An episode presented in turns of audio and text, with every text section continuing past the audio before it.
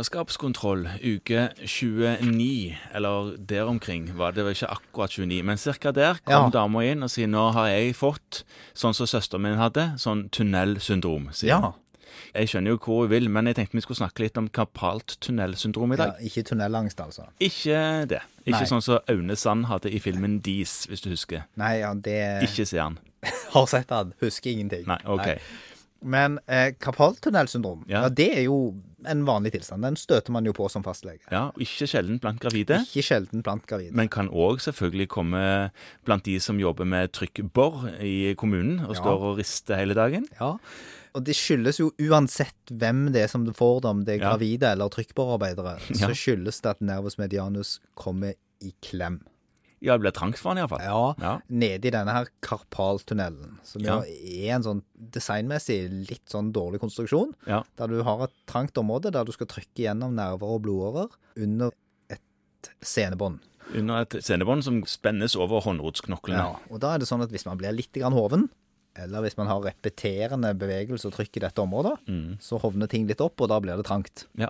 Eh, Og da dovner denne bort. Og symptomene er jo typisk at man blir da nummen, og får prikking, og av og til ganske mye smerter i håndflaten og i radiale fingre. Ja. Ganske vanlig. 3-4 av befolkningen. Så opplever å få det. Ja, prevalensen er på 3-4 i den voksne befolkningen. Kvinner noe oftere enn menn. Og det øker med økende alder. Det er stort sett kvinner som blir gravide, så kanskje forskjellen ligger der. Men jeg vet ikke. Ja, i snitt er det jo flere kvinner enn menn som blir gravide. Men det er kanskje flere menn som jobber med trykkbor. Ja, ja. ja. Ja, men I hvert det fall trenger ikke- historisk. Trenger vi ikke spe ja, men Det trenger jeg ikke spekulere så mye i. Poenget er at det er ikke så veldig sjeldent. Nei, og spørsmålet er hva gjør vi nå? Ja. Eh, Og det er sånn at hvis det først er trangt, så kan du jo sitte og håpe på godt vær. Eh, Ja. Gravide, der vil jo risikofaktoren etter hvert gå over. Det Så er hun der har jo uke 29, har jo Ja. 11 uker igjen, så er jo eh, mye gjort. Da kan det bli bedre. Da kan det bli bedre. I Det må ikke. alvorlige tilfeller så klemmes jo nerven så mye av at du får en varig skade. Det skjer, det òg, ja. Mm. Ja, det er sjelden. Jeg Har ikke noe tall på hvor sjelden det er, men det er sjelden. Ja. Men det er litt sånn å tenke på hvis det er veldig, veldig plagsomt. ja. En del av disse rapporterer jo klassisk at de står opp om natten og rister på dette her for å få i gang fingrene igjen. Ja, og Noen kommer og sier at de lurer på om de har det. Er det noen tester du kan gjøre? Kan du f- provosere fram dette her? Ja, du kan provosere det fram, og disse testene er sånn at de er nærmest diagnostiske. Og da snakker vi først om noe som heter Tinnels tegn.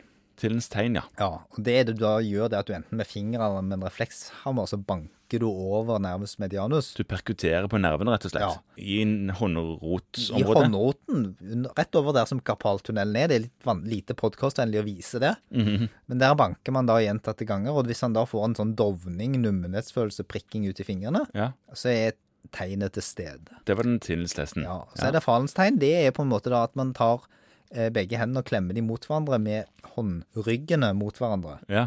Og da gjør man egentlig det samme. Da legger man, skraper man enda trangere forhold ja. i karpaltunnelen. Du kan òg ha pasientens hånd over pasientens hode og la den henge plantarflektert over din fing. Ja, det Sånn går at du også. òg trykker Da på gjør du det det samme, da området. sitter du også og trykker på den samme. Nettopp. Det er farens tegn. Og hvis de er positive, og anamnesen stemmer, så kan du på veldig mange steder i Norge i dag bare henvise til håndkirurg uten flere undersøkelser. Så du trenger ikke den nevrofysiologiske undersøkelsen, du trenger ikke nevrografi Trenger eller du i ultralyd. utgangspunktet ikke nevrografi, ultralyd og nevrofysiologisk undersøkelse, fordi at den pretest-sannsynligheten er så høy Ja. at mange av de setter de på en måte Altså, jeg vet at i Stavanger blant annet så har disse da historisk bare blitt satt opp for operasjon, nesten på at dette er gjort skikkelig, fordi de sier at sjansen for at det allikevel skal opereres, er så stor. ja.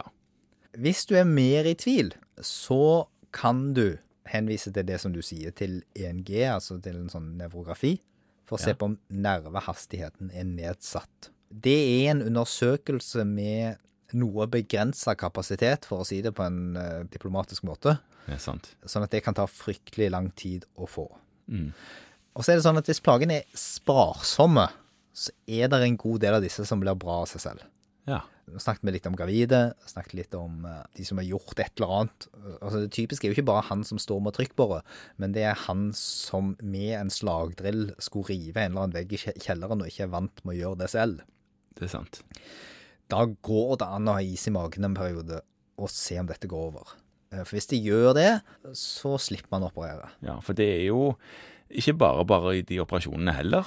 Nei, det går veldig ofte godt, altså. Men det er klart at man skal inn og kutte i nærheten av en nerve og åpne opp dette her.